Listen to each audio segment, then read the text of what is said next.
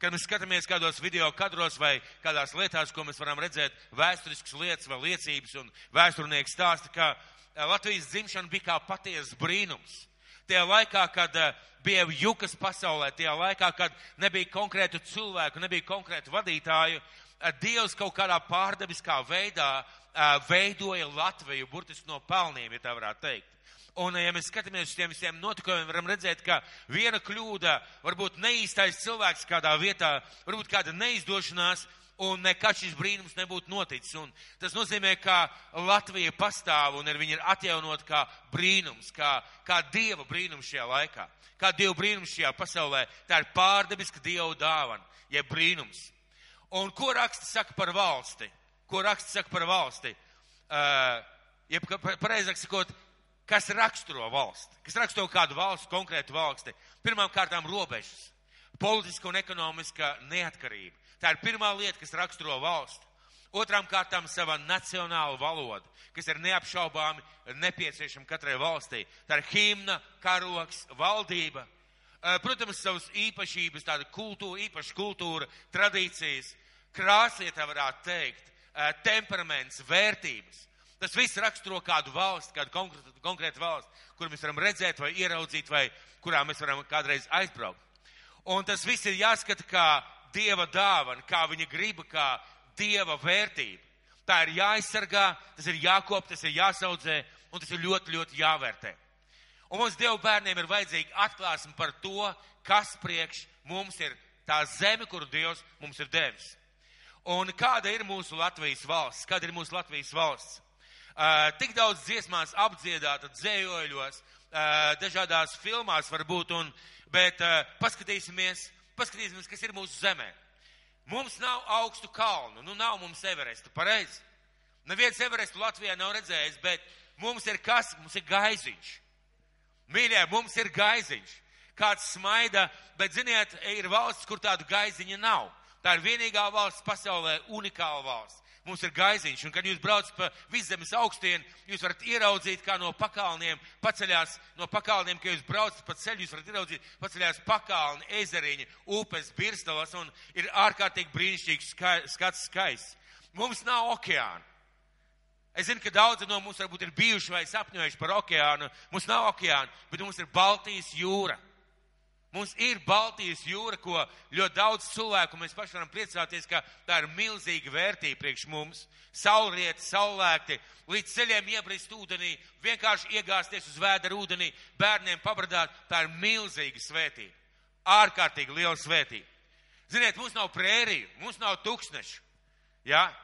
bet mums ir meži, mums ir upes, mums ir strauti, mums ir pļavas, mums ir odi gal galā. Ticiet vai neticiet, jūs varat braukt pa Vāciju, un tur sen visu odi ir iznīdēti. Cilvēki, kuri atbrauc uz Latviju kādreiz uz kādām lauku sētām, viņi ar pārsteigumu konstatē, ka mūsu zemē ir sliekas. Tu vienkārši vari sarakt sliekas un iet makšķerēt. Bet, jo, jo daudzās valstīs sliekas ir vienkārši iznīdēts kā suga ar ķīmiju. Mums viss tas ir, mīļie draugi. Un vēl viena liela lieta, par ko mēs gribam priecāties un ko es šodien atzīmēt, brīnišķīgi pļauj, pareizi? Nu, taisni tā prasās aiziet un iekrist vienkārši ar muguru tajā pļāvā un pagulēt un paskatīties debesīs. Kādam ir gadījies gulēt pļāvā un skatīties debesīs? Fantastiski, pareizi. Un neviens tev virsū nebrauc. un traktors nebrauc līdzmašīnu virs galvas nodo un nekais ķīmiju. Un uh, mums ir vēl kāda liela vērtība, ko mums būtu jānovērtē. Mums ir četri gada laiki. Mīļā pasaulē nav tik daudz valstu, kurā būtu četri gada laiki. Viena gada laikā četri cikli dabā. Tas ir ziema, sniegs, augstums, putenis, sniegs lien aiz, eh, aiz apkaklas un kā kaupers dziedāja, nav laba, lielāka prieka, kā būtu ziemā. Mums ir pavasars, kad eh, strauti čalo, kad eh, daba plauks, kad sniegpulksnīši parādās. Mums ir vasara, kurā mēs varam peldēties, sauļoties. Mums ir skaistais krāšņais rudens. Un paskatieties uz mūsu zemes, zemes kontūrām. Fantastisks kontūrs, pareizi. Nav ripulis Nav kvadrāts, nav trīsstūrs. Brīnišķīgi un uh, Baltijas jūras līdz tas ir vienkārši fantastiski. Cik daudz mums skaistu pilsētu, mīļie draugi. Cik daudz skaistu vietu. Jūs zināt, ka Latvijā tagad iespējams es kļūdīšos, bet kaut kur pie 70 ūdenskritumiem. Jūs ziniet, ka Latvijā ir tik daudz ūdenskritumu. Jā, Rumbajā. Es, eh, es ar pārsteigumu konstatēju, enciklopēdijā lasot, ka pie manis laukos ir saules ūdenskritums.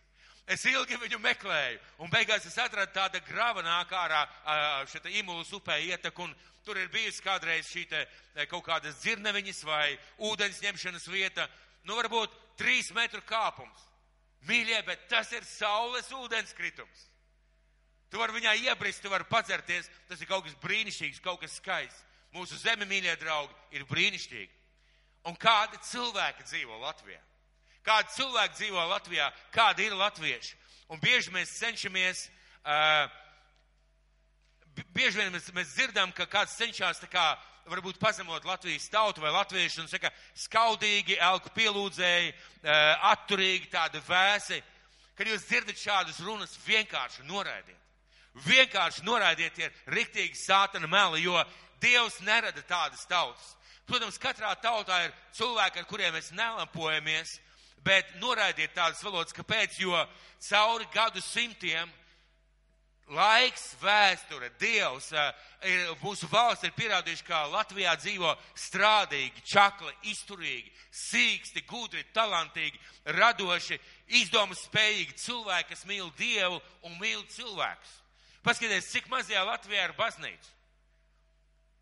Ļoti daudz baznīcas, kur zem vispār izcili, ja? Tu nevari nobraukt 20, 30 km, ka tu neieraudzīs varbūt kādu baznīcu. Mīļie, tie esam mēs Latvija. Mēs esam Latvija. Un kad Jēzus sūtīja savus mācekļus sludināt, viņš teica, ejiet un sludiniet un sakiet, Dievu valstība ir jūsu vidū, tad viņš runāja par to, ka mācekļi jūs nesat Dievu valstību sevī. Mīļie, mēs nesam Latviju sevī. Un Latvija ir tāda, kāda mēs esam. Cik mēs mīlam Latviju cik mēs svētījam sevi šai zemē, tāda ir mūsu zeme Latvija. Un es ticu un es zinu, ka Latvija ir svētīta zeme, tiešām svētīta zeme. Un, eh, ziniet, tautas lielumu nekad nav noteicis skaits. Tautas lielumu nekad nav noteicis skaits. Tautas lielumu vienmēr ir noteicis tautas gars un viņas attiecības ar debes tēvu. Tas nosaka tautas lielumu. Nepavēlti Bībelē teiks, ka svētīgi tā tauta, kam tas kungs ir par Dievu. Nevis svētīgi tā tauta, kam ir miljons cilvēku, bet svētīgi tā tauta, kam tas kungs ir par Dievu. Kāpēc? Jo tas nozīmē, ka šie cilvēku dzīvē ir Dieva vērtības, Dieva kārtība. Un ja mēs paskatāmies tā vēstures gaitā, mīļie mani draugi, nezinu, vai esmu pieminējis vai ne, bet mēs te pāris dienas atpakaļ man runājām man tēti, kurim ir 94 gadi. Un ziniet, ko viņš teica? Viņš teica, man gan tā dzīve bijusi tāda interesanta no akmens laikmeta līdz kosmosa laikmetam un internetu laikmetam.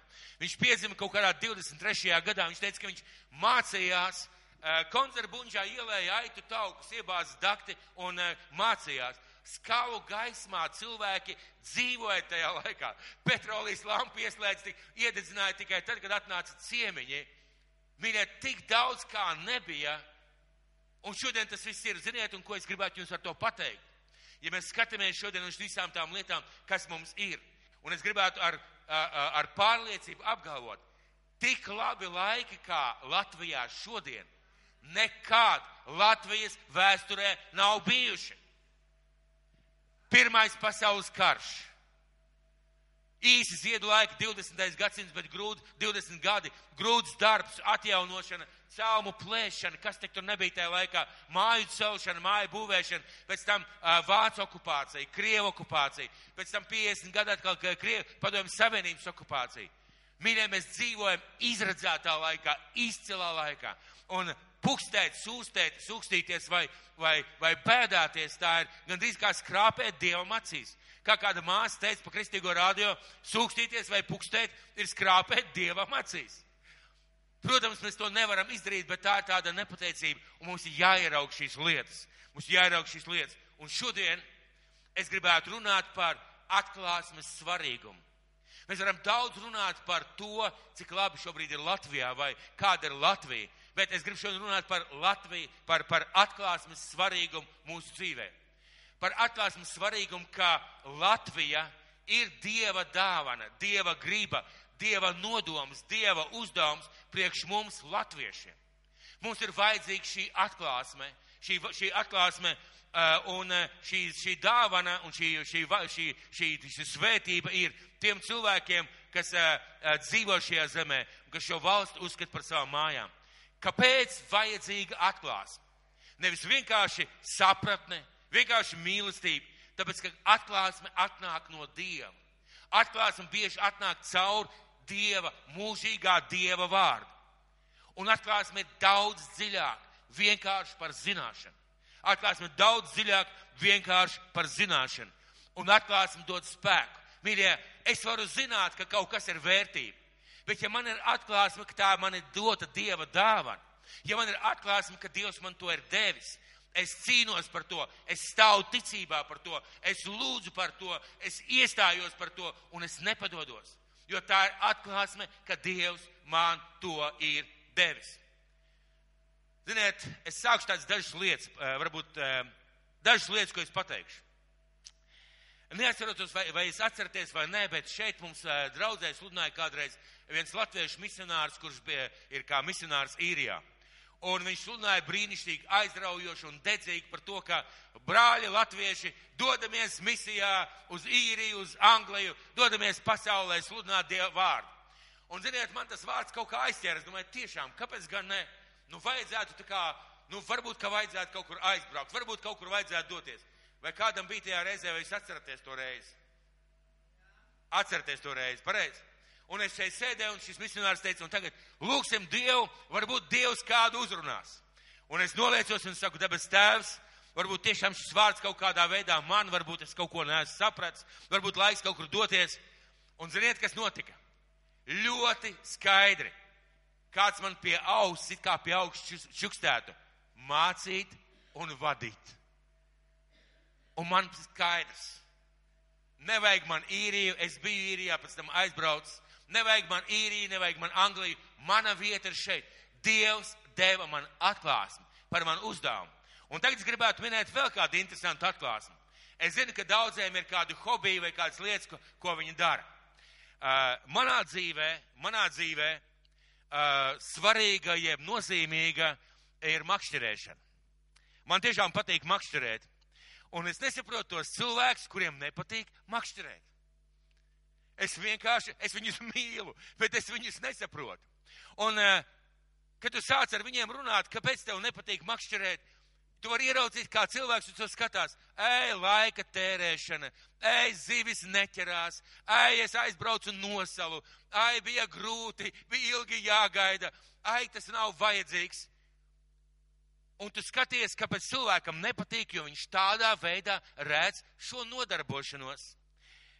Es daudzus gadus nesapratu, kas skaists ir sēdēt ziemā uz ledus. Ir augsti, krīt sniegs, tev ir vajadzīga kaudze ar epkipējumu, tev vajag urbi, kurš maksā 70 eiro, tev vajag sliekas pirkt, tev vajag tārpiņus pirkt. Vienu izdevumu iznāktu lētāk nopirkt zivis.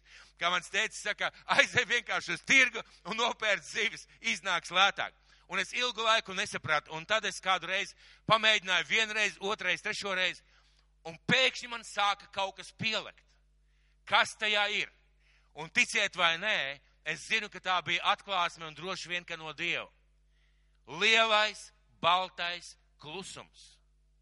Tas, kas cilvēkus pievelk ziemā makšķerēt, lielais, baltais klusums. Tu sēdi un apkārt ir pilnīgi kluss, ir balts. Un tu sēdi ar savu makšķerīti, un neviens tev netraucē. Pat zivis nelēkā ne tavā kastē, ne uz ūdens. Jo vienkārši zīvis varbūt neķerās. Lielais baltais klusums. Un esmu domājis par to, kā par tādu lietu, kas ir manā dzīvē svarīgi, un izrādās, ka kā tu skaties uz kādu lietu, to tas tev arī nozīmē. Un gadiem ejot, mīļie, gadiem ejot, jo mūsu pieredze pamazām pieaug, es ieraudzīju, ka priekš manis, es saņēmu tādu atklāsmu no Dieva, ka priekš manis makšķerēšana, nepārprotiet mani, nav mans elks, bet svētība, ko Dievs man ir devis. Priekš manis at, es saņēmu šo atklāsmi, kāpēc man tā patīk, kāpēc man tā velk, kāpēc es varbūt tik labi jūtos. Priekš manis makšķerēšana ir svētība no Dieva. Es atpūšos, es viens pats ar Dievu, man neviens netraucē, es varu runāt ar Dievu, es varu staigāt, es varu baudīt dabu, ko tik es neesmu redzējis. Bebris man mēģinājis iesist ar asti, uh, caunas, stirnas, briežus, uh, zivis esmu reizēm redzējis. Visu kaut ko esmu redzējis. Un tu ej pa šo upi un tu makšķerē un tu priecājies par to, ko Dievs tev ir devis. Tas ir tik skaisti. Bet kā apliecinājumu tam, ka tas ir priekš manis, es saņēmu šo atklāsmi. Dievs man to ir devis, lai es to lietotu kā svētību priekš sevis. Lai es varētu atpūsties, lai es varētu kaut kādā veidā atveldzēt savu, da, savu dvēseli. Un uh, pat tā vieta, kur Dievs mums ir devis šo lauku māju, manas sievas vecās mācas māja, tur apkārt ir trīs upes, vairāki dīķi, vairāki ezeri. Un, kad no rīta pamosties, domā, uz kurien doties, tu īsti pat nezini, kur, kur iet.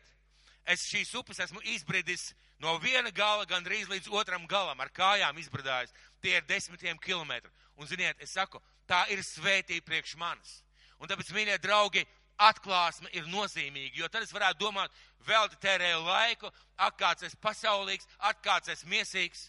Nē, tā ir atklāsme, ka Dievs man to ir devis kā atpūtu, kā relaksāciju.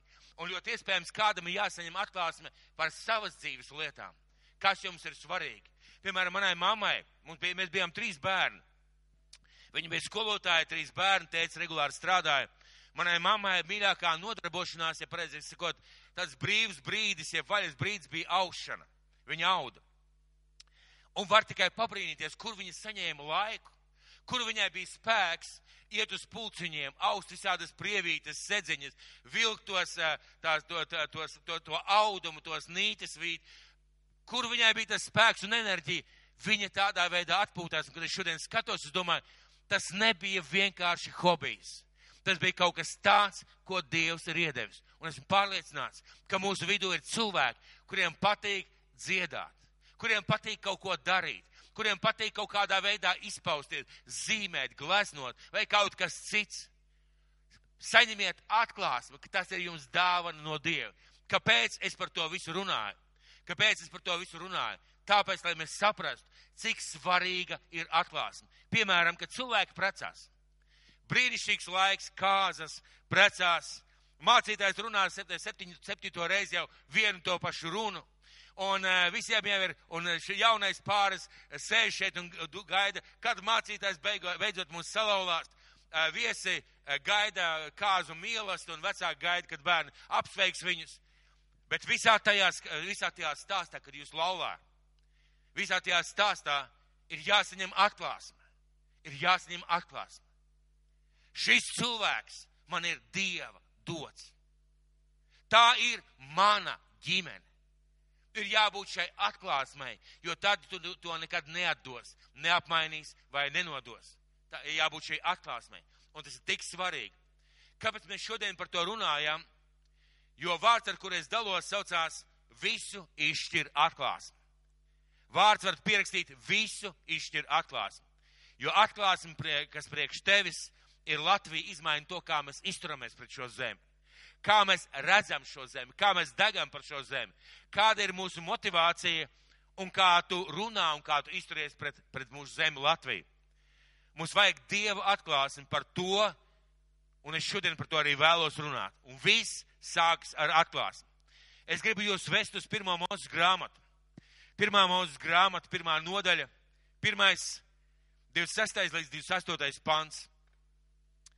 Atšķiriet kopā ar mani pirmā mūzes grāmata, 26. nodaļa, 1. nodaļa, 26. līdz 28. pants. Un mēs lasīsim, kā Dievs radīja cilvēku. Tad Dievs sacīja, darīsim cilvēku pēc mūsu tēla un mūsu līdzības. Tas, lai valda pār zivīm jūrā, pār lopiem, pār putniem apakš debes, pār visu zemi un visiem rāpuļiem, kas rāpo zemes virsū un Dievs radīja cilvēku pēc sava tēla un līdzības. Pēc sava tēla viņš to radīja vīrieti un sievieti viņš radīja. Un Dievs to svētīja un sacīja viņiem, augļojieties un vairojieties, piepildiet zemi, pakļaujiet sev to un valdiet pār zivīm jūrā un putniem gaisā un visiem dzīvniekiem, kas rāpo pa zemi. Tātad Dievs rada cilvēku. Dievs rada cilvēku. Un interesanti, ka Dievs nesaka, es radīju tevi un tagad vienkārši atrod salmu maisiņu vai kādu skaistu pavēni un vienkārši pačuči tur. Nu vienkārši atpūties, baudi no tā, ko esmu radījis. Ja Dievs deva, lai cilvēks bauda, bet Dievs dod uzdevumu cilvēkam, ko darīt, rūpēties, gādāt, svētīt šo zemi ar tām vērtībām, ar to kārtību, kādu Dievs šim cilvēkam ir iemācījis un devis. Un svarīgi ieraudzīt, ka tajā mirklī cilvēkam ir attiecības ar Dievu. Viņš dzird, viņš redz, viņš satiek Dievu, viņam ir attiecības ar Dievu. Un tad ir ļoti interesants stāsts. Otrā nodaļa, astotais pants. Un Dievs, tas kungs dēstīja dārzu ēdenē, tālu austrumos, tur viņš ielika cilvēku, ko bija veidojis. Skatieties, pirmās robežas, pirmā valsts, pirmā zeme, kuru Dievs dod cilvēkam. Tad Dievs rada cilvēku, dod uzdevumu rūpēties, gādāt, svētīt šo zemi, valdīt pār šo zemi nes Dievu kārtību un dod arī robežas, kur viņam dzīvot un kurā vietā viņam to darīt. Ļoti svarīgi to ir ieraudzīt. Pārsteidzoši ir tas, ka Dievs ne tikai rada cilvēku, bet viņš ieliek šajā dārzā un uzliek die, cilvēkam atbildību. Uzliek cilvēkam atbildību par to vietu, par to zemi, par tām, par tām lietām, kas šajā zemē ir. Uzliek atbildību rūpēties un gādāt, lai cilvēks tur nestu Dieva kārtību. Paturiet to prātā. Un dodamies pāris tūkstoši gadus priekšu. Pāris tūkstoši gadus, daudz tūkstoši gadus, pareizi sakot, uz priekšu. Uz apstoļu grāmatu 20, 17. nodaļu. Apstoļu grāmata 17. nodaļa. Un apostols Pāvils sludinādams Atēnās, viņš saka tādus vārdus. Apstoļu darba grāmata, 17. nodaļa, sākot ar 24. pantu. Un Dievs, kas radījis pasauli un visu, kas tanī, būdams debesis un zemes kungs, nemājo rokām celtos tempļos, un viņu neapkalpo cilvēku rokas, it kā viņam kā vajadzētu. Viņš pats dod visiem dzīvību, elpu un visu. Tad Dievs, kas radījis pasauli un zemi un visu, kas ir tajā, dod visiem visu. Un tālāk 26. pants. Viņš līdzis visām tautām, atkal tautas, celties no vienām asinīm un dzīvot pa visu zemes virsu, un ļoti svarīgi ieraudzīt, un nospraudis laikus un robežas kur tiem dzīvot. Lai tie meklētu Dievu, lai tie viņu varētu atrast, nojaust un atrast, ja viņš nav tālam nevienam no mums. Jo viņā mēs dzīvojam un rosamies un esam. Tad tautas tā ir Dieva ideja. Ļoti svarīgi ieraudzīt, ka tautas tā ir Dieva ideja, Dieva griba. Un atklāsmes grāmatā mēs varam lasīt, ka tautas nostāsies Dieva priekšā. Dievs neiztaisīs no no visām tautām vienu lielu tautu, kurai nav vārda vai nosaukuma. Pat atklāsmes grāmatā minēts, tautas nostāsies no tautām un tautībām, nostāsies viņa priekšā. Tas, domāju, nozīmē, ka Dievam ir svarīgi. Un Dievs, kurš radīs debesis un zemi, viņš rada tautas. Un viņš noteikti noliek noteiktu laiku, un šis laiks ir Dieva rokās, kad šai tautai rasties, kad viņai dzīvot, un Dievs veido šo tautu caur dažādiem apstākļiem. Tieši tāpat kā mēs redzam mūsu tautas vēsturē. Un viņš noliek robežas, jeb teritoriju taut, taut, tautai, kurā viņai dzīvot. Tātad Dievs rada tautas, izvēlās laiku, kurā šai tautai dzīvot, un noliek robežas un vietu, kur viņiem dzīvot, lai viņi meklētu Dievu. Jo Dievu var atrast un Dievu var piedzīvot. Ļoti svarīgi ieraudzīt, tas nozīmē, ka Dievs, no Dieva nāk visas labas dāvanas. Dievs ir gaismas, mīlestības un patiesības Dievs. Tas nozīmē, ja viņš kādai tautai dod kaut kur zemi, kaut kādu teritoriju, kur dzīvot, tas ir tas labākais tiem cilvēkiem, labākais tev tautai, piemērotākais, jaukākais un pareizākais. Tātad visas labas dāvanas nāk no Dieva, un Dievs dod šo zemi cilvēkiem. Lai meklētu Dievu, pirmais uzdevums, lai meklētu Dievu. Pirmais uzdevums, lai meklētu Dievu, atgriežamies ēdienas dārzā. Cilvēkam ir attiecības ar Dievu, cilvēks dzird Dievu, staigā kopā ar Dievu, un kāds viņam ir uzdevums? Kāds ir uzdevums cilvēkam? Rūpēties par to zemi, kopt to zemi, pareizi? Šeit mēs redzam, ka, de, ka Dievs uh, uh, noliek robežas un teritorijas, kur cilvēkiem piedzimt, lai viņi meklētu Dievu, un kad viņi ir atraduši, ko darīt, rūpēties un gādāt par to vietu. Ādamam un Ievai bija ēdenes dārs. Mums ir kas šeit šajā laikā? Mums ir mūsu zeme Latvija. Mums ir mūsu zeme Latvija, kas ir dota kā atbildība mums, kā dāvana mums, kā svētība mums. Un mēs esam atbildīgi par to, kā mēs rīkojamies ar to Dievu dāvanu. Kāpēc mēs rīkojamies ar Dievu dāvanu? Kāpēc cilvēkam ir jāatrod vispirms Dievs, lai Dievs cilvēkam varētu uzticēt zemi? Sakiet, vai jūs mazam bērnam uzticētu mašīnas atslēgas? Nu, droši vien, ka neuzticētu, pareizi. Vai es mazam bērnam uzticētu savu makšķeri? Nu, laikam neuzticētu, jo var, var, var āķis izrādīties pirkstā. Vai jūs uzticētu kaut ko sarežģītu, kaut ko dārgu cilvēkam, kurš ļoti dārgu telefonu, iPhone, piemēram, ja? Nezinu, kāda vēl tagad ir modernākie telefoni, dažādi viņiem tie nosaukumi, es esmu drusku no pagājušajā gadsimta. Tātad, vai mēs uzticētu tādu lietu kādam cilvēkam, kurš nesaprot, kā ar to rīkoties?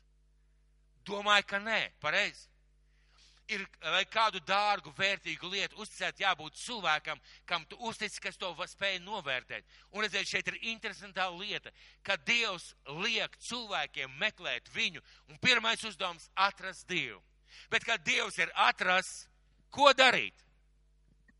Atlaisties un teikt, debes tēvs, paldies tev par to, ka esmu izglābts, atpestīts, ka es eju uz debesīm, kungs svētī šo zemi, lai tie pagāni rūpējās par viņu. Es tagad vienkārši gulēšu un baudīšu tavu svētību. Vai tā Dievs teica? Nē. Atgriežas tāpat kārtība, kas ēdens dārzā. Rūpējieties, gādājiet par šo zemi. Rūpējieties, gādājiet par šo zemi. Tātad mums ir, mums ir jārūpējas par šo zemi. Un, protams, cilvēkiem, kuri nav piedzīvojuši Kristu savā dzīvē. Viņiem ir vērtības. Viņiem ir dārga šī zeme. Eh, daudz cilvēku ir patriotiski par šo zemi. Un, ziniet, domājot par šo dievkalpojumu, es sapratu vienu lietu. Patriotisms ir dieva jūtas. Jūs kādreiz esat lasījuši Bībelē, kā Dievs pārdzīvo par savu tautu? Esat lasījuši, jā? Ja? Kā to varētu nosaukt? Patriotisms, pareizi. Kā Dievs aizstāv savas zemes robežas toreiz un tagad. To sauc par patriotismu. Ja cilvēks aizstāv, rūpējās, gādā par savu zemi, to sauc par patriotismu. Un šīs jūtas ir no Dieva. Tāpat kā cilvēks rūpējas vai aizstāv savu ģimeni, šīs jūtas ir no Dieva. Un, protams, arī neticīgiem cilvēkiem ir ļoti daudz iekšā ielikts no Dieva vērtībām, uh, principi, vērtības. Un uh, Tas ir tas ļoti brīnišķīgi un lieliski, bet ir kaut kas, ko tikai Dieva cilvēks, tikai Kristu atradas cilvēks var izdarīt šai zemē. Tas ir nest šai zemē ticību Kristum, nest evaņģēliju šai zemē. Jo svētīt tā tauta, kam tas kungs ir pār Dievu. Jā, visas zemes ir svētīts. Jā, Dievs visas zemes ir izveidojis. Jā, Dievs ir ielicis šīs zemes šajā pasaules kontūrā. Bet Ja svētīt tā tauta, kam tas kungs ir par Dievu, tas nozīmē, ka mums ir uzdevums nest šai zemē evaņģēlīju. Un to var izdarīt tikai un vienīgi kristieši. To visi mīļie draugi var zināt. To visi var saprast, bet ir vajadzīga personīga atklāsme ikvienam no mums. Dievs, debesis un zemes radītājs, visgudrais, visvarenais, visspēcīgais man ir uzticējis šo zemi. debesu un zemes radītājs tev ir uzticējis šo zemi, lai tu rūpētos, lai tu gādātu, lai tu domātu par šo zemi. Mīļie draugi, un saņemsim šo atklāsmi.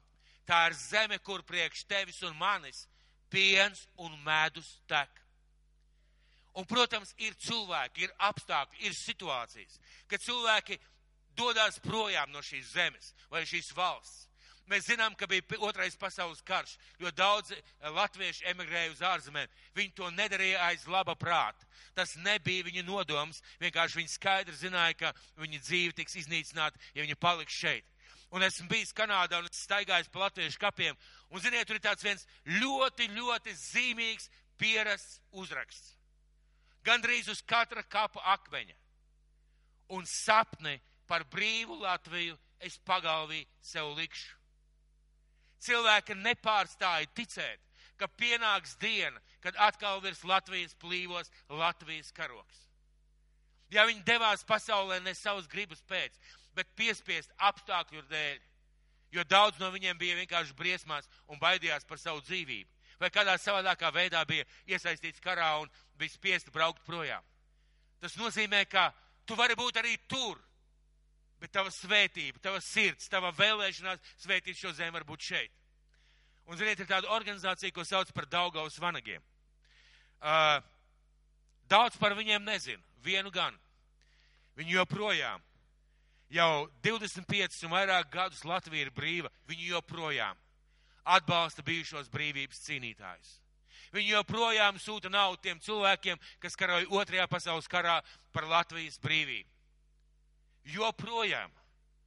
Šiem cilvēkiem, kuri daudz jau vispār ir mūžībā, viņi ir atstājuši savu mantojumu, atstājuši naudas, atstājuši savus bankas kontus, lai, lai būtu svētība tiem cilvēkiem, kuri karoja un cīnījās par Latvijas brīvību. To sauc par patriotismu. To sauc par saprašanu, par šīs zemes svētīšanu. Un lai Dievs mums šajā laikā, kas mēs dzīvojam, dod tādu sirdi. Cik svarīgi ir atklāsme, tā izšķir visu. Mīļie, atklāsme no Dieva izšķir visu. Arī šajā saprašanā par mūsu valsti.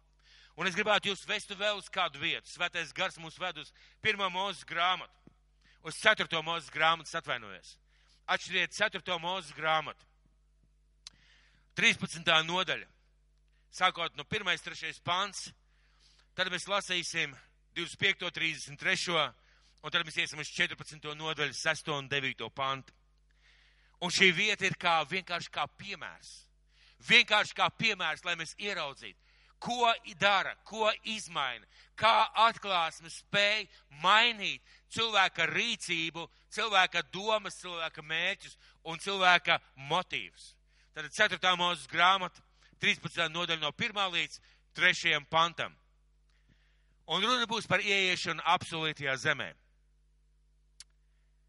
Un tas kungs runāja ar mūzu teikdams, izsūtu vīrus, kas lai izlūko Kanānas zemi, ko es Izraēlu bērniem dodu pa vienam vīram no viņa ciltstāvu ģimenēm, un izsūtu tos, bet viņiem visiem ir jābūt virsaišiem. Tad Mūzes tos izsūtīja pēc tā kunga pavēles no pāranas tūkstneša, visi šie vīri bija Izraēla bērnu vadītāji. Viņi ir pienākuši pie absolūtās zemes robežām. Dievs paudzēm mīļie draugi, paudzēm ir runājis. Es jūs ievedīšu zemē, kur piens un medus tek tieši priekš jums. Dievs paudzēm ir runājis, jūs ejat uz apsolīto zemi. Un lūk, viņi stāv pie šīs apsolītās zemes. Un Dievs saka, Mozu, Mozu izsūta 12 vīrus pāri robežai, lai viņi izpēta, lai viņi apskatās šo zemi, lai viņi atnāk atpakaļ ar paziņojumu. Šie vīri dodas. Un 13. 13. nodaļa, 25. līdz 33. pants. Un tie griezās atpakaļ no zemes izlūkošanas pēc 40 dienām. Un tie nāca un gāja pie Mūzus, pie Ārona, pie visas Izraēla bērnu draudzes pārānas tuksnesī, Kadešā, un tie atnesa viņam un visai draudzē vēstījumu un rādīja arī visām viņiem tās zemes augļus.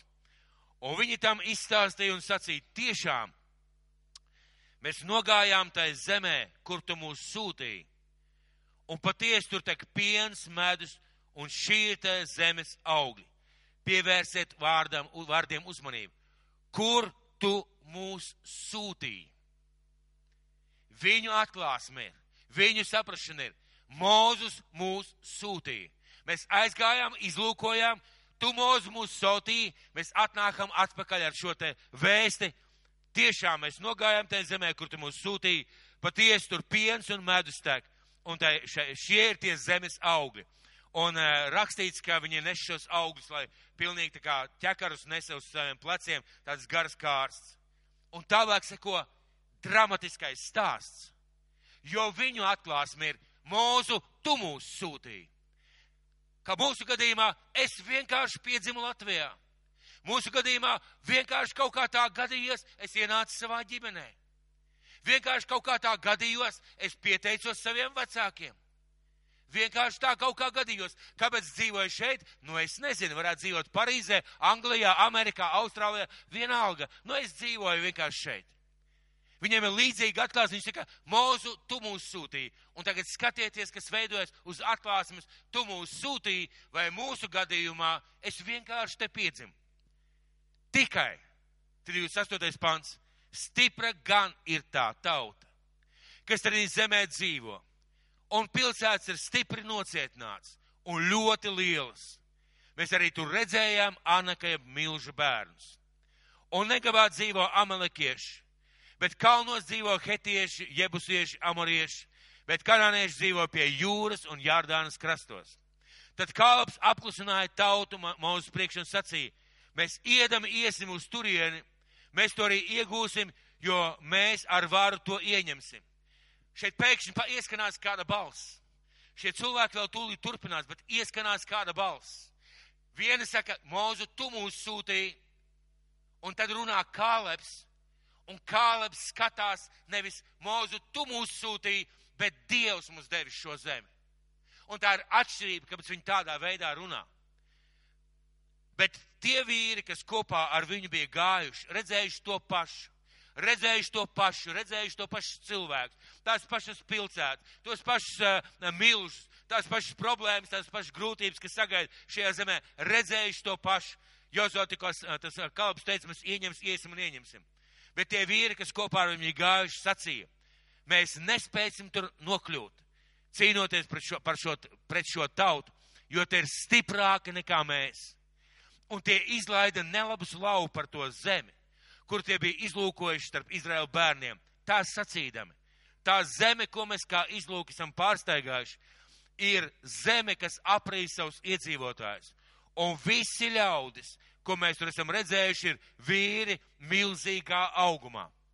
Un tur mēs esam redzējuši milžus, Anaka bērnus, jo mil, no milžu cilts mēs bijām savās acīs kā siseņi, un tādi paši mēs bijām arī viņu acīs. Kāpēc šie cilvēki tā runā? Kāpēc viņi tā runā? Kāpēc cilvēki šodien saka, Latvijā ir slikti, Latvijā nekā nebūs, Latvijā nekas neiznāk, šī ir neveiksmīga valsts, neveiksmīgs projekts, jābrauc steidzīgi projām. Kāpēc? Ļoti vienkārši viņi skatās uz apstākļiem, uz situācijām, uz dažādām lietām, un viņiem nav šīs atklāsmes.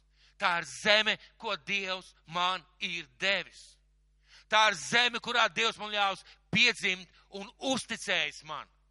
Šie cilvēki skatās vienkārši caur apstākļiem. Un patiesībā šie desmit vīriņi saka, mēs nespēsim, mēs neiesim, mums neizdosies, mēs to nevarēsim. Bet paldies Dievam! Ir divi vīri, kuri skatās caur atklāsmi.